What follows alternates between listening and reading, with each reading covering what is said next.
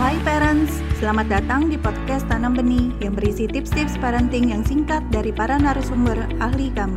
Untuk mendapatkan tips-tips terbaru kami, follow podcast Tanam Benih. Yuk kita dengarkan bersama. Tipe orang tua yang wake up itu dia tersadar bisa menyadarkan diri ternyata anak saya tuh seperti ini loh secara holistiknya. Mungkin selama ini saya sebagai orang tua saya menjadikan anak saya perpanjangan tangan saya. Oh saya dokter, kamu juga harus dokter ya. Atau mungkin orang tua ngerasa anak itu kayak pemenuh cita-cita mereka. Dulu mama mau jadi dokter, tapi gak kesampaian. Kamu ya sekarang jadi dokter ya.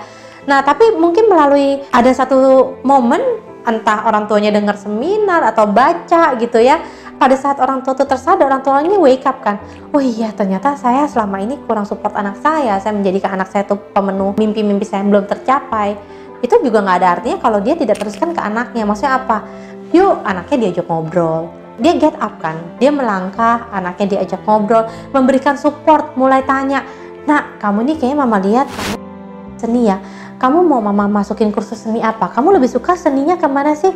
Ke desain grafis atau ke fashion design? Kalau mau masuk fashion design nih, mama punya temen loh, fashion designer. Kamu mau nggak magang deh satu bulan biar belajar-belajar dikit? Ah itu kan orang tua sudah mulai melangkah. And stay up adalah di mana orang tua ketika dia memutuskan untuk dia support anaknya dan dia harus bisa stay up yang artinya ya dia harus selalu support. Jangan di tengah jalan ketika anaknya baru jatuh sedikit atau gagal langsung tuh kan mama udah tahu nih kamu tuh nggak bisa di situ. Ayo dong gimana bisa sama-sama dia tetap bisa menjaga hatinya? Anaknya adalah bukan dirinya banyak orang tua masih gitu ya anak saya milik saya bukan anak ini punya kehidupannya sendiri tugas kita sebagai orang tua adalah kita membimbing mereka menemukan kehidupan mereka yang maksimal jadi up-nya kalau untuk orang tua ya tetap harus jaga hati untuk selalu sadar kalau anaknya akan punya kesuksesan sendiri yang mungkin berbeda dengan kesuksesan kita.